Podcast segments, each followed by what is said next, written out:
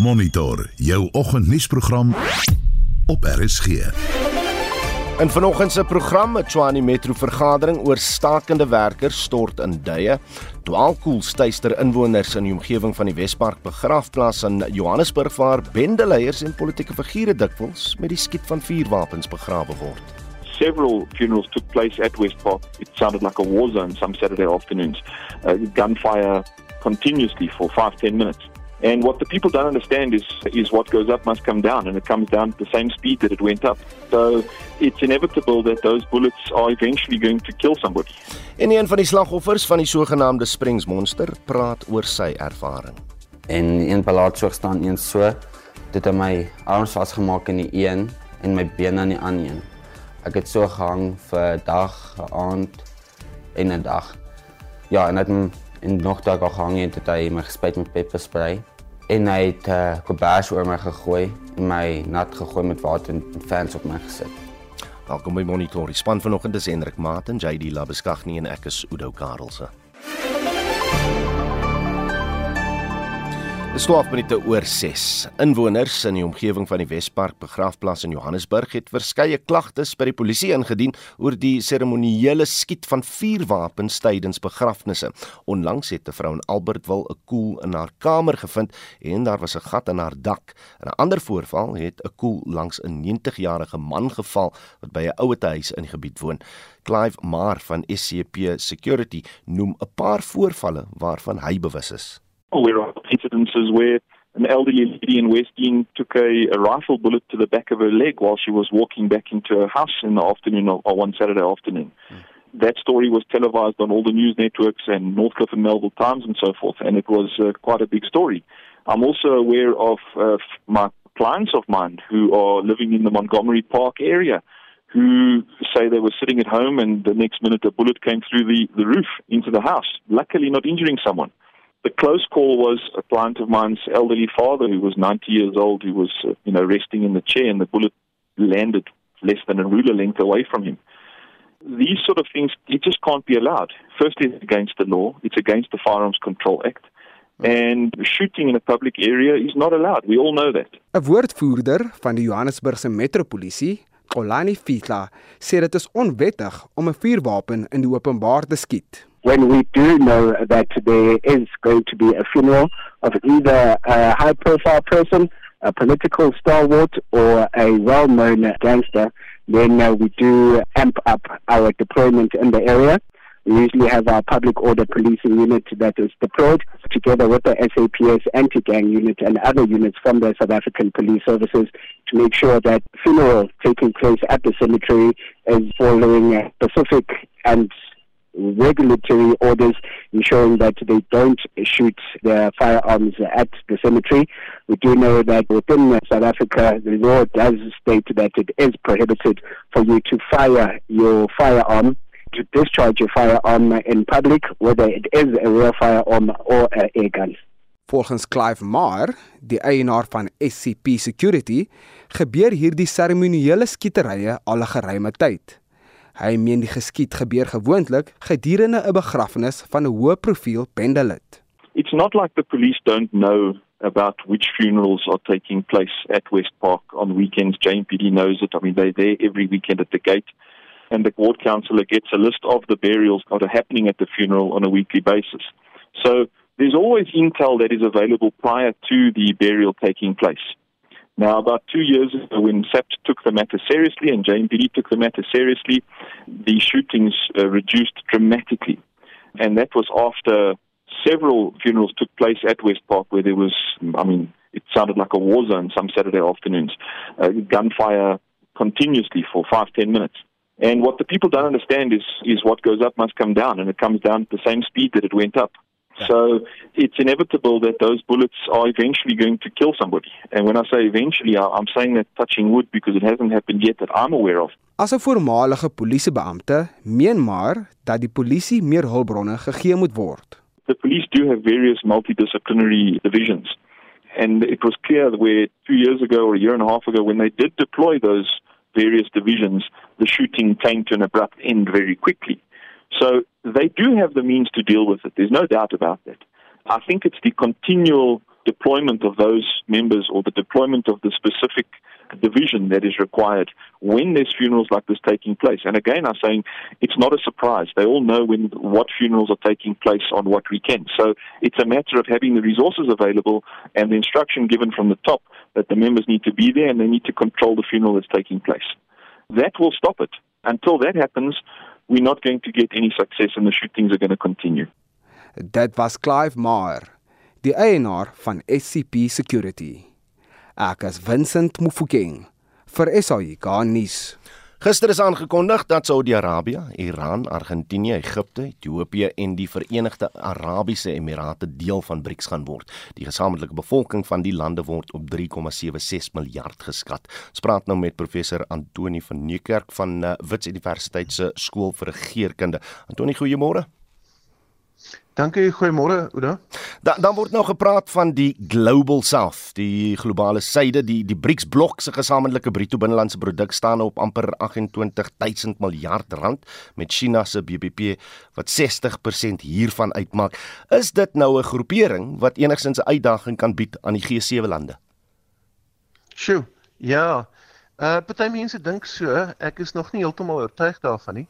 Uh ek dink die nou nie in die in die in die afloop van die van die beraad moet ons 'n bietjie nigter kyk na wat die toekoms vir hierdie nuwe uitgebreide uh alliansie inhou.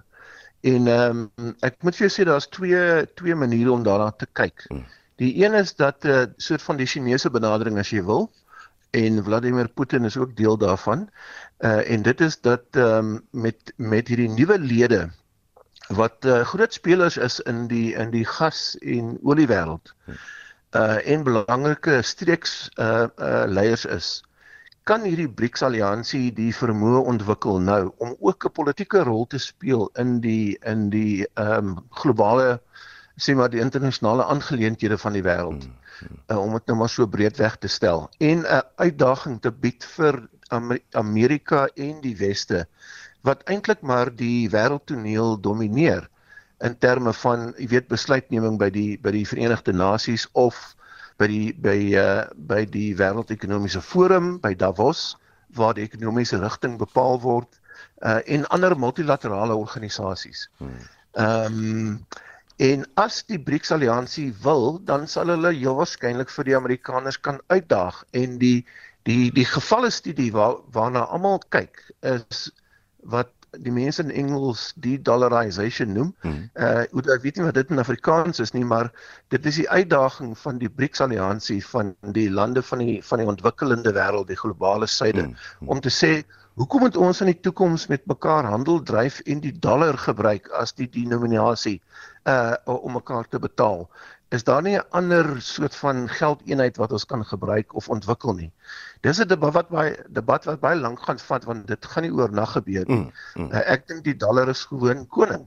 Dis die een skool, die ander skool sê die idee van BRICS is nie om die weste uit te daag nie. Maar is eintlik maar 'n uh, 'n uh, 'n uh, bymekaar kom plek vir lande van die ontwikkelende wêreld wat 'n uh, bietjie van 'n beter plek uh, in die in op jy weet in die in die, in die internasionale politieke ekonomie wil beding. Met ander woorde, hulle aanvaar die die stelsel, die internasionale stelsel soos wat hy is. Uh, ek dink Cyril Ramaphosa ons president ehm um, het in 'n toespraak dat die die liberaal nie die hy het nie gesê liberale nie, hmm. maar die die die reëls gebaseerde wêreldorde uh die die vergrote BRICS alliansie wil eintlik daaraan deelneem maar vra uh in ruil vir hulle bydra tot die wêreldekonomie, gee vir ons 'n bietjie meer seggenskap. Uh sê maar by die IMF of die Wêreldbank of die Verenigde Nasies. Hmm. En die gevalle studie hier is lande soos Suid-Afrika ehm um, en Indië wat sê hoekom is ons nie op die permanente uh hoekom het ons nie permanente setels in die veiligheidsraad van die Verenigde Nasies nie want daar word baie belangrike besluite geneem. Nou ja, Dis die twee skole van benadering en ek moet nie uh, ek kan nie nou vir jou sê watter een hmm, gaan wen nie. Ehm um, en as jy die volgende vraag my vra is waar waar skaars Suid-Afrika om in terme van hierdie twee benaderings? Dan moet ek vir jou sê dat uh, dat ons president het 'n baie gematigde benadering aangekondig. Uh meer die soort van Indië en Brasilië tipe van benadering. wat sê kom ons neem maar deel, kom ons kyk waar ons pragmaties kan wen uh en kom ons daag nie werklik waar die mense uit nie, hmm. want trouens uh nou dat BRICS verby is, so binne 'n paar uh, maande gaan daar 'n Suid-Afrika Europese Unie beraad plaasvind wat ook belangrik gaan wees in terme van handel en nywerheid en investering. En is baie duidelik vir my dat ons president het besluit ons moet maar deelneem aan al die kante waar ons kan. Professor Antoni van Niekerk is van Wits Universiteit se skool vir regeringskunde. In Mei 2014 het 'n beeldjoernalis Vanya van der Heever 'n foto gesien van 'n jong tienerseun in sy onderbroek op 'n pamflet wat deur die organisasie Pink Ladies versprei is. Sy het dadelik vermoed daar is 'n groot storie wat sy later op eie houtjie aan die groot klok sou hang. Die verhaal het in 'n volksmond of liewer in die volksmond bekend geword as die Springs Monster. Dit is 'n verhaal van 'n man wat sy kinders oor jare gemartel en seksueel aangerand het. Vanya vertel van die hofsaak wat op haar ondersoekende werk gevolg het. Hy sou hof toe kom met 'n Bybel, dan met die Bybel oop sit, sit en huil, soos die, die regter in sy uitspraak sê, hy het nooit verantwoordelikheid geneem nie. Hy het gesê dit is die kinders se skuld. Hulle was stout en dit het hom gelei na die geslaanery en dis meer. Wanneer vertel 'n bietjie vir ons skets vir ons luisteraars se prentjie. Jy was in die huis gewees mense praat van die Springs Monsterhuis wat 'n groot huis was, middelklashuis met 'n swembad, goeie motors buite en so aan. Maar vertel ons wat jy binne gesien het. Toe daai deur oopgaan, toe die polisiebeampte of die ondersoekbeampte die deur oopmaak en ek stap in agter hom. Tref daai reuk van, jy weet 'n vrot reuk of iets iewers gesterf. Irine. Dit was 'n mengsel van jy wil opgooi En soos ek toe nou in die huis in 'n paar tree instap sien ek hier lê dooie rot, groot rot. So groot soos 'n klein katjie. Soos ek verder in die huis aanstap, uh, instap, ehm um, sien ek nog rotte en muise en bloed, bebloede matrasse in hulle die hoofslaapkamer ek moet dit noem was daar uh, eh, dit was 'n collection van pornografie. Die ketTINGS het daar gehang waar hy sy vrou dikwels vasgeketting het en sy dinge gedoen het. Later in my beriggewing of uh, opvolgstories was daar gesê dat hulle orgies gehou het jy weet was die kinders daarbey betrokke ehm um, nie dat wat ek van weet nie maar hulle was tuis. Jy weet daar was ketTINGS by die trappe. Later sou ek uit van die kinders se dae gehang het die kinders vasgeketting met daai ketTINGS geslaan. Waar die kinders geslaap het vuil bebloede matrasse. Toe ek in daai kamertjie stap alhoewel daar soveel kamers was het hulle almal saam jammer saam gebly jammer dit uh, tref my nog baie hard het hulle saam geslaap op 'n matras, al vyf van hulle. En toe ek in die kamer stap, was daar dooie rotte en muise en die eerste ding wat ek toe aan dink is dit is 'n vorm van mishandeling.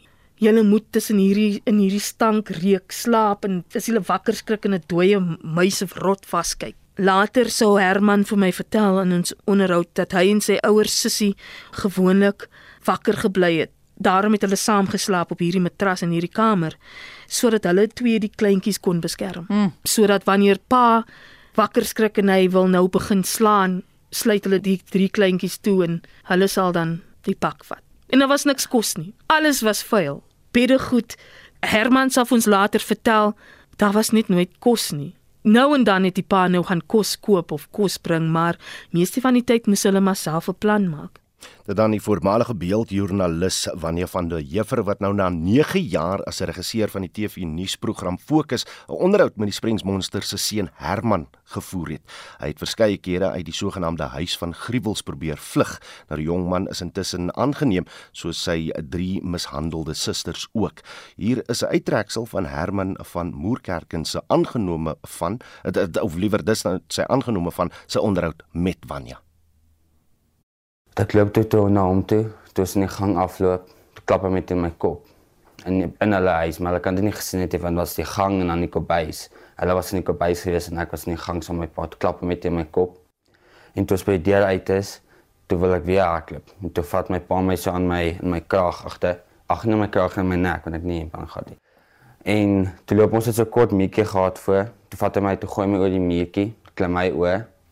En Ons het 'n glaskamer gehad waar hy sy kar gestop het hierso en dan is die glaskamer toe vat hy my, toe loop hy in, toe gooi hy my so op die mat. Ons het twee bare gehad hierso en dan het ons nog 'n bar gehad in die sitkamer. En hy het my toe vasgepen op die op my rug by die eerste bar en op my hande gesit en toe het hy my het my geslaan in my gesig. Ek kan niks doen net nie want hy was baie groot gebou gewees en so en toe was ek vasgepen en hy het my heeltyd geslaan op my oë en ek het nie op baie oomblik geweet wat ander wat gaan gebeur of ek dit ooit gaan maak of wat nie, so dit was baie dis anders dis so ja, ek kan nie dis nou wat ek begin hy.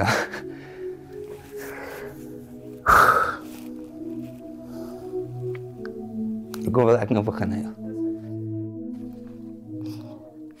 En dit dan Herman van Moerkerken wat met regisseur van Fokus en voormalige beeldjoernalis Wanje van der Heever gepraat het die eerste TV-onderhoud na die gebeure van 2014 in Springs se huis van gruwels. Sy biologiese pa is in 2018 as 'n psigopaat beskryf en vir 35 jaar tronk toegestuur. Die onderhoud word vanaand in Fokus uitgesaai en 'n meer volledige onderhoud met Wanje sal ook Saterdag op Naweek Aktueel saam met Anita Visser uitgesaai word.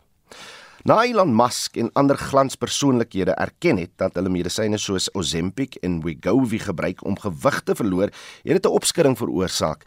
Dit is handelsname vir medisyne wat deur tipe 2 diabetes gebruik word. Ons praat nou met 'n endokrinoloog en buitengewone professor aan die Universiteit van Pretoria, professor Tess van der Merwe. Tess, goeiemôre. Môre, hoe gaan dit? Nee, dit gaan goed, maar vertel 'n bietjie meer van hierdie Ozempic en Wegovy. Hoekom dit gebruik word uh, om om uh, gewig te verloor? Dit is intedeel een van die eerste molekules wat hulle nagevors het uh, gebaseer op bariatriese chirurgie en dit is basies 'n manier waarin ons naboots die versadigingseffek wat jy met bariatriese chirurgie kan kry en daarom uiteraard baie suksesvol. Die maatskappye het baie slim te werk gegaan uh omdat hulle mediese vergoeding wou verkry vir hierdie medikasie en daarom eerstens gefokus op watter effek dit sal hê op uh diabetes en dit was suksesvol hmm. en dit is nog steeds suksesvol. Uh maar dit was primêr ontwikkel vir gewigsverlies. Uh nou as ek sê gewigsverlies, kyk ons na om en by so uh 8% enige iets tot in party pasiënte 18% uh in om en by so 50% van die verbruikers. Hmm.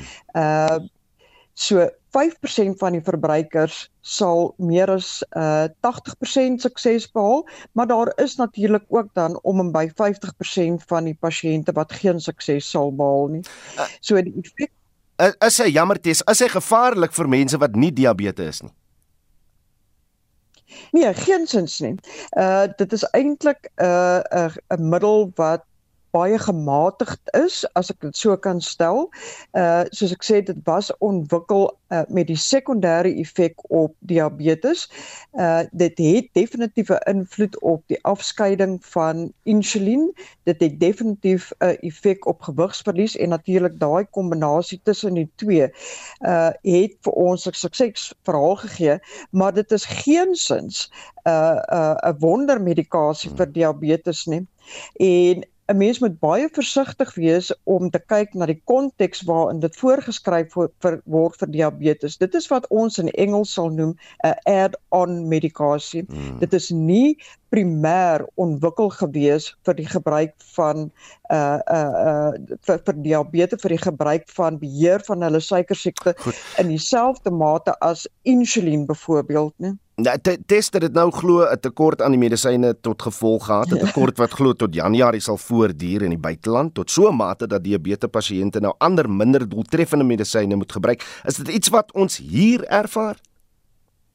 O, beslis, daar's 'n uh, daar's 'n baie wêreldwye tekort en ook vir die ander vervaardigers soos byvoorbeeld Eli Lilly en dit was gepresenteer deur die uh wêreldgesondheidsraad se bekendstelling van die feit dat hulle besig is om te werk aan 'n dokument wat uh oor oorgewig gaan herklassifiseer uh as 'n herhalende kroniese siekteproses en nie 'n lewenstyl siekte nie. Hmm. En dit het natuurlik 'n invloed gehad op die die uh die die gedrag van baie van ons uh, gesondheidsdienste want dit plaas dit heeltemal in 'n ander kategorie en skielik was daar 'n massiewe stormloop. Hierdie stormloop inteendeel uh die nuutste opdatering wat ek het gaan voortduur nie net tot in Januarie nie, maar heel waarskynlik tot in April volgende jaar. Dan gaan hier groot geld gemaak word met Ozempic en Wegovy oor die volgende paar maande en jare dan nie. Ja, ja, dit is so, maar mens moet terselfdertyd ook kyk na wat is die koste verbonde aan oorgewig wat natuurlik massief is want al die kroniese siektes wat gekoppel is aan oorgewig uh kos 10 20voudig meer as wat die die die die gebruik van hierdie medikasie ooit sal uh kos. Uh maar ons moet ook begin anders kyk na oorgewig en en vetsug. Dit dit is nie 'n gewig van 'n uh, 'n wilskrag 'n uh, probleem uh soos wat mense baie dink. Nee, dit is 'n reële fisiese probleem en dit is natuurlik uiteraard 'n stap vorentoe uh in die regte rigting om hierdie hierdie siekteproses wat kronies herhalend is uh korrek te hanteer want daar is baie diskriminasie binne in hierdie veld en ons wil uiteraard vir die pasiënte die heel beste hê.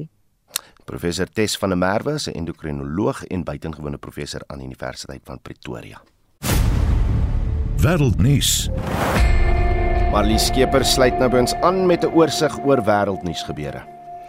Die New York Times en die Wall Street Journal, asook verskeie ander publikasies in die VSA, berig dat 'n ontploffing die oorsaak was van die vliegtuigongeluk waarin die leier van die Wagner groep, Yevgeny Prigozhin, dood is. Die Russiese Federale Lugvaartagentskap het bevestig dat die vliegtyg van Moskou na Sint Petersburg onder Petersburg onderweg was en dat al die passasiers aan boord dood is. Die SAIK se Shawn Bryce Peace doen verslag. An explosion remains the leading theory as to what might have brought down the plane carrying the Wagner leader. Officials are quoted as saying that an explosion caused by a bomb or another device planted on the aircraft is being explored among other theories. Earlier, President Joe Biden suggested Putin could be behind the crash because not much happened in Russia without him being behind it, but added he had no confirmation as yet. Die voormalige Amerikaanse president Donald Trump het hom by die distrikshof in Atlanta, Georgia, aan owerhede oor, uh, oorgegee. Ja, Trump word aangekla van rampokkery en sameswering nadat hy na bewering in die 2020 verkiesingsuitslag ingemeng het. Hy is op borgtog van 200 000 dollar vrygelaat. Trump het joernaliste toegespreek by sy wat by sy privaat vliegtyg byeengekom het. When you uh, have that great freedom to challenge, you have to be able to, otherwise, you could have very dishonest elections. What has taken place here is a travesty of justice. We did nothing wrong. I did nothing wrong. And everybody knows it. Ek sien meer as 6 miljoen Zimbabwese burgers het al krisis aan die algemene verkiesing getrek oor die afgelope 2 dae. Verkiesingswaarnemers van die Suid-Afrikaanse Ontwikkelingsgemeenskap of SAOG en van die Europese Unie sal vandag hul verslae bekend maak na die verkiesing. Die SAIK se Ditaba Tsotetsi doen verslag vanuit Harare. Zimbabwe elections were marked by a myriad of challenges Opposition members and independent candidates frequented the courts after they were barred from contesting these elections. Some could not take part as the courts nullified their candidature on Wednesday during the voting. Several polling stations experienced the logistical challenges that prompted the extension of the elections by another day. Election observers also raised the concerns on the issues prevailed. Die polisie in Zimbabwe het intussen die inhegtenisneming van 41 verkiesingswaarnemers bevestig. Hulle word daarvan beskuldig dat hulle die verkiesingsproses probeer ontwrig het. Die waarnemers is aan burgerlike groepe verbonde en het volgens berigte hulle eie stemproses gevolg sodat die uitslae met die amptelike verkiesingsuitslae vergelyk kan word. 'n Reeks klopjagte is by die Zimbabwe Election Support Network en Election Support Center uitgevoer en beslag is gelê op 38 skootrekenaars en 93 selfone. En dit was Marlie Skeepers met 'n blik op wêreldnuus gebeure. Jy luister na Monitor elke weekoggend tussen 6 en 7. 636 en nog 200 brandbestryders vertrek na Kanada om bosbrande te blus. So dit is 'n geweldige hoë brandgevaar, dis die ergste in hulle geskiedenis en hulle oortref hulle vorige rekords wat hier in die omgewing van 7 miljoen hektaar was wat dit al meer as dubbel is as die vorige rekords. En 'n plaaslike riller wat blindeling se vertroue bevraagteken, maak sy buiging by die Silwe Skermfees. Ons wil 'n blinde karakter vat op 'n reis waar haar vryheid van haar ontneem word en hoe sy dan weer dit terugeien. Bly ingeskakel. 11 ure 'n dag, 5 weke lank was sy blind en dit het vir haar nuwe respek gegee vir mense wat met 'n gestremdheid leef, so vertel die aktrise, vervaardiger en skrywer Donnelly Roberts oor die hoofrol wat sy in die fliek Blindling speel. Die riller het gisteraand sy buiging by die Silwerskerm rolprentfees gemaak. Roberts het aan Anne Marie Jansen van Vieren verduidelik hoe sy vir die rol voorberei het. Dit was my bitter belangrik om dit met baie baie respek te hanteer en ek is onbeskryflik dankbaar vir die voorreg wat ek gehad het om by die Cape Town Society for the Blind so baie tyd te spandeer. Hulle het hulle deure en hulle arms vir my oopgemaak en my die geleentheid gegee om ure en ure deel te vorm van die klasse wat hulle aanbied, deel te vorm van hulle workshops. Ek het daily living skills training gedoen hoe om 'n tamatie te sny, hoe om 'n koppie koffie te maak want dikwels wanneer mense weet dat hulle op 'n reis is waar hulle moontlik hulle sig gaan verloor, dan gaan hulle soontoe om te leer hoe om daagliks net te kan klaarkom sonder hulle sig. So ek het al daai training en ek het ook mobility training gedoen saam met hulle om te leer hoe om met 'n gidsstok te loop en hoe om net gemaklik te kan wees in my omgewing want die karakter is in haar hoërskooljare het sy haar sig verloor. So dit was my bitter belangrik om ook 'n independence te kan wys en 'n gemaklikheid in haar wêreld en om dit te kon doen doen. Ek het baie blou kolle gekry en baie geval en gestamp en mettertyd is selfvertroue opgebou met die hulp van die Cape Town Society for the Blind. So ek is hulle oneindig dankbaar. En hoe lank was die proses net jy soos jouself geblinddoek of maar net toe o geloop? Ja ja ja, so ons het weke lank in die begin het ons dit net geoefen sodat my liggaam gewoond kon raak daaraan en aan die einde die laaste paar weke het hulle my elke keer wanneer ek gegaan het geblinddoek en dan bygestaan om seker te maak dat mense seer kry nie en seker te maak dat mens gemaklik raak sonder 'n mens se sig. Maar dis seker nog 'n vaardigheid om jou oë stil te hou om te lyk asof jy blind is en jou oë te beweeg saam met die kamera en die bewegings wat rondom jou gebeur nie. Kyk, ek het met 'n spesifieke kontaklens gespeel. Daar was 'n kontaklens wat spesifiek vir my oog ontwerp is en is 'n mediese gegradeerde kontaklens, so dit was alles veilig en hy's ook handgeverf. So ek kon vir die hele tydperk wat ons vervul het niks gesien het nie. Ek was vir 11 ure in 'n dag letterlik sonder my sig, want ek dra nie 'n bril nie en ek dra ook nie kontaklense nie. So dit is nie ietsie waarmee ek gemaklik is om 'n kontaklens in te sit en om te verhoed dat my oë gebrand het of dat my oë rooi of tranerig word. Dit ek net die keuse gemaak om dit liewer in te hou. So vir 11 ure in 'n dag het ek nie my sig gehad nie en die truth binne in my karakter het dit is wat ek gestreef het om te vind om te gaan waar lê haar onvermoë om te kon sien. En dit was Donnelly Roberts, vervaardiger, medeskrywer en hoofaktrise van die fliek Blindeling. Sy het daar met ons Anna Anne Marie Jansen van Vieren gepraat.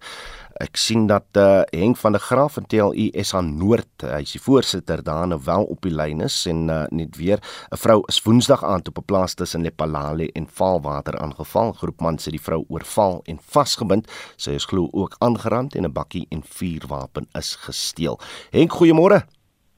Goeiemôre Oudo, ek is bly dat ons hom nou terug is. Daar sê, daar sê nou is dit jou saam met ons. Sê my, wat weet julle van die aanval? Bitter min, daar is baie min beskikbaar omtrent net dit wat jy nou gesê het daarso. Uh, 'n uh, Vrou wat buite gewerk het en toe sy teruggegaan het na haar huis toe, was daar nou uh, uh, drie mans wat haar nou oorval het en haar toe nou vasgebind het. Sy is blykbaar aangerand, uh, maar ons weet nie wat is die toestand op hierdie stadium nie. Dan is 'n wapen in 'n voertuig gevat uh, wat wel later teruggevind is. Voertuig uh, voertuig is in die veld teruggevind, wapen 'n entjie daarvandaan.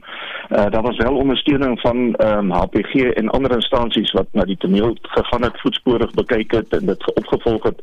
Maar hulle kon niks kry nie. So daar is nog geen arrestasies gemaak in hierdie saak nie. Uh so dit is ook maar omtrent wat ons weet. Wat wel interessant is, verlede week het uh, was hier 'n voorval by Mabel Hall gewees. Hmm. Uh waar 'n uh, bejaarde boer ook vasgebind was Ehm um, en hulle toe nou uh, hy is deur vier maande oorval en hy is toe nou uh vasgebind gelaat in sy huis en toe het 'n klomp ander met bakkies daar aangery gekom en hulle het omtrent sy hele bok en skaapkudde daar weggery. Ehm um, nou ja, sy werkers het hom toe die volgende dag gevind en kon hom toe nou uh, losmaak. Mm, mm. So hier is maar nog steeds plaasaanvalle wat aan die gang is. Ons is baie bly dat dit op hierdie stadium met uh, geen lewensverlies is nie, maar nog steeds, jy weet, uh, diefstal van jou vee is ook 'n enorme probleem.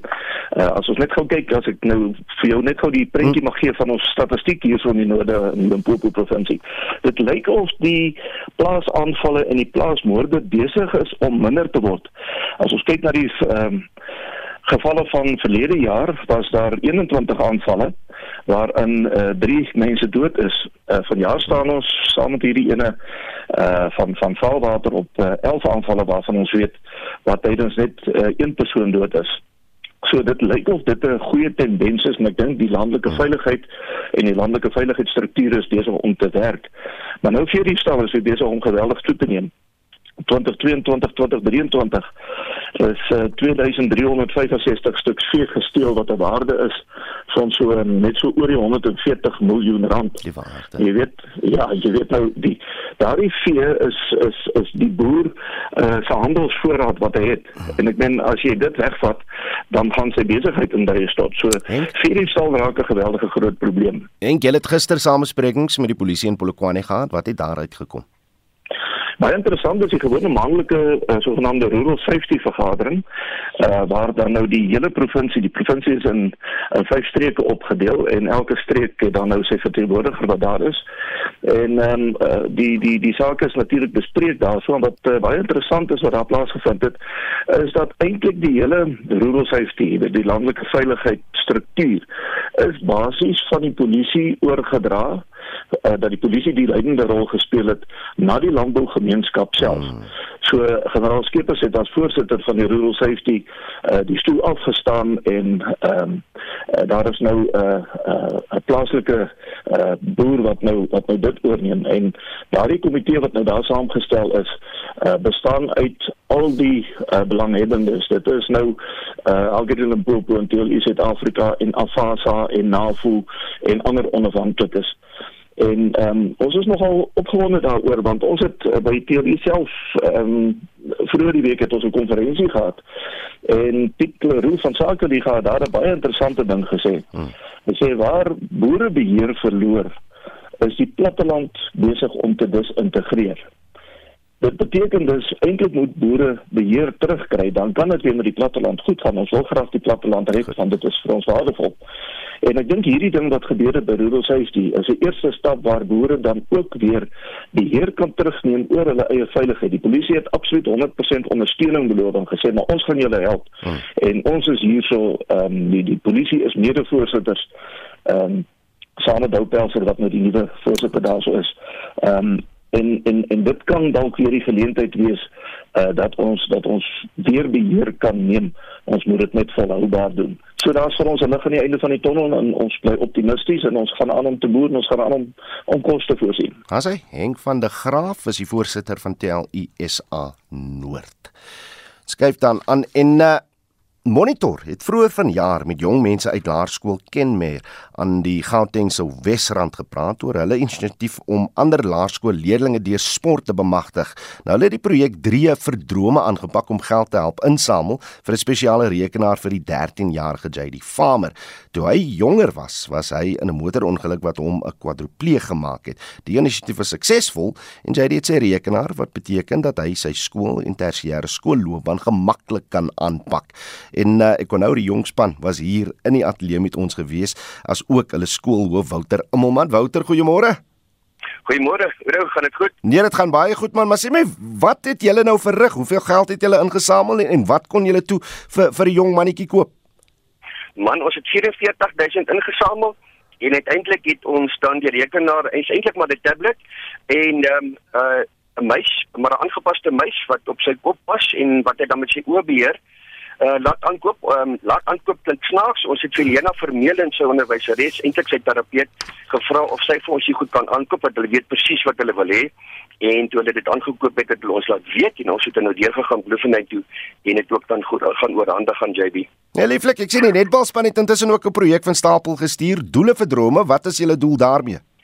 Ja, ons ons ons volgende projek is vir 'n meisie in Uppington, Charmel Maasdorp wat 'n kokleaire implanting benodig en uh, ons is nou besig met dit en dan gaan ons ook die doele wat aangeteken word deur die hokkie gaan ons dan gebruik om 'n moontlike borskappe in te kry. Lieflik man, dit was Laerskool Kenmer se skoolhoof Wouter Immelman. Praat bietjie saam met Jody Hendriks oor die jongste sportnuus want dit was 'n baie interessante aand gister aan. Jody, goeiemôre. Goeiemôre Udo. Jody, ons begin met golf in die PGA Spelerskampioenskap is aan die gang. Ja, en die toernooi is eksklusief vir die 30 spelers wat die meeste geld op die PGA Tour verdien het. Nou ongelukkig is daar geen Suid-Afrikaners wat daar deelneem nie, maar na gister se eerste ronde is die voorste 3 spelers op 10 onder baansyfer is Colin Morikawa, Keegan Bailey en Victor Hovland. Besige sokker naweek wat voorlê. Ja, kom ons kyk gou in Engeland vanaand om 9uur is dit Chelsea teen Luton Town. 4uur môre middag speel Arsenal en Fulham teen mekaar nog 'n wedstryd wat om 4uur begin. Manchester United teen Forest en dan half 6 Sondag 'n groot wedstryd Newcastle United wat goed doen van die jaar. Hulle kom teen die 2021 kampioen Liverpool te staan. Plaaslik die sukkelende Cape Town Spurs speel vanaand teen Chippa United en môre is daar twee wedstryde as ons weer die woord sukkelend kan gebruik Chiefs kom teen AmaZulu om 06:30 te staan en om 8:00 môre aand is dit Stellenbosch en SuperSport United wat opponente gaan wees. Wanneer laas het 82000 mense hier in Suid-Afrika die bokke dopgehou? Ja, ek dink ons moet teruggaan na wat was dit 2010 op die ja. FNB stadion toe hulle teen die All Blacks gespeel het. Nou interessant, dis nie die eerste keer wat die All Blacks en uh, die Springbok op Twickenham teen mekaar gaan speel nie. Hulle het dit ook uh, by die 2015 Wêreldbeker vir gedoen in die halffinalestryd en daai wedkragmeting het die All Blacks met 2 punte gewen. So ja, vanaand 82000 mense op Twickenham uh, vir uh, ons gaan dit 'n vriendskaplike wedstryd noem nie, yes. want ek dink die twee spanne gaan mekaar redelik aanvat vanaand om 9uur. Almal gaan seker vir Kane en Moody dop op buite senter en ook of Mani bietjie beter kan skop hierdie naweek as verlede week. Ja, groot druk op Manuel Bok. Hy het 'n paar maklike skoppe verlede week nie oorgesit nie en uh, met die oog op die Wêreldbeker en waar skoppe so belangrik is, gaan daar baie druk op hom wees. Hooplik sal hy vanaand beter kan vertoon. Nou Kane en Moody is 'n interessante keuse op buite senter. Hy het die posisie op skool gespeel, maar hy het al ook heel agter vir die Bulls gespeel maar um, op toetsvlak kry hy dan sy geleentheid vanaand en um, ons moet dan ook 'n uh, krediet gee aan die afrigtingspan van die Springbokke Oudo hmm. wat uh, die keuse gemaak het want hulle sê indien daar 'n noodgeval by die Wêreldbeker is is dit waarskynlik dat Moody die posisie sal moet vul kom ons luister wat die hulpafrigter om so intellektiek oor uh, die keuse te sê gehad het Yeah, I think if I look at the past two seasons with uh, working with Kenan, you know, we've we've seen his uh, his potential, you know, and we've seen what he, he does at wing, you know. And once again, people don't realize that probably when you play at wing in our system and how we defend, probably one of the toughest positions, you know, if you look at how we defend and the reads they have to make on the outside. You know? So, and for what he has shown for us in that in that in, in that space on the outside, you know, he, he he's showing a great great potential of someone who can make good reads on the field. And uh, to, to put him in tighter, I think it's going to even make it better for him now when you put him at 13. As hy help afrigter van die Bokkums Wandile stiek en uh, ons skuif van oor na atletiek van die 400 meter wêreldrekordhouer Wade van Niekerk het gisterand heel laas geëindig in die finaal van die item by die atletiek wêreldkampioenskap. Ons praat nou met 'n uh, veelmalige SA 400 meter kampioen, voormalige SA rekordhouer en die eerste Suid-Afrikaner om die afstand af te lê in minder as 45 sekondes. Arno Malherbe, goeiemôre. Goeiemôre. Hoop dit gaan goed met julle daar. Dit gaan goed met ons, maar hoe begin ons om gister se wedloop vanuit Wade se oogpunt te beskryf, Arno? Oeg, dis baie teleurstellend as jy 'n Suid-Afrikaner is. Ek dink dit was 'n baie goeie wedloop oor die algemeen met vier atlete wat baie baie naby aan mekaar was vir daai medaljeposisies. Maar ek ek verstaan nie regtig wat met Wade gebeur het nie. Hy was voor na 100 meter en hy het net al hoe verder agter en agter en agter geraak. En vir 'n ou wat jy weet eh, 'n uh, maand gelede 44.08 gehardloop het wat nog steeds die vinnigste tyd in die wêreld is hierdie jaar om 'n maand later nie eens onder 45 sekondes te kom nie, kan ek nie verstaan nie. Um ek ek ek, ek probeer dink wat die wat die verduideliking kan wees daarvoor en ek kan nie op iets afkom nie, maar dit kan soveel dinge wees. Dit kan psigologies wees, dit kan fisiologies wees, dit kan 'n hormoon imbalans wees, dit kan dalk het hy nie genoeg spoed nie, dalk het hy net te gespanne gehardloop, dalk was daar te veel senuwees. Um as jy kyk na hoe hy gehardloop het, hy was voor na 100 meter en het net al hoe verder agter geraak en dit dit gee vir my die idee dis 'n atleet wat wat senuweeagtig is, gespanne is. As jy as jy spanning in jou skouers of in jou bene het op 'n 400 dan voel jy dit in die laaste 100 meter. Anu die tipe besering wat Wayne gehet en vir 'n lang tyd van die baan afgehou het, is dit iets waarvan 'n mens in volle kan herstel of moet ons maar nou dit aanvaar dat Wayne se beste jare iets van die verlede is?